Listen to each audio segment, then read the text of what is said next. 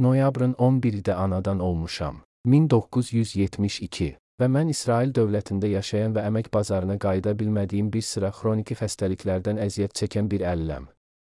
Təəssüf ki, İsrail dövləti mənzil vəziyyətində olan əlillərə heç bir ağlabatan həll təklif etmir. Mənim vəziyyətim və uşaqsız tək və tək yaşayan digər insanların vəziyyəti xüsusilə ağırdır. Digər ehtiyacı olan insanlara münasibətdə də.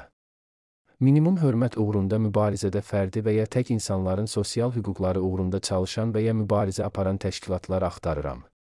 Maraqlanardım, çünki belə təşkilatları tanıyan hər kəs mənimlə əlaqə qurdu. Hörmətlə Assaf Benyamini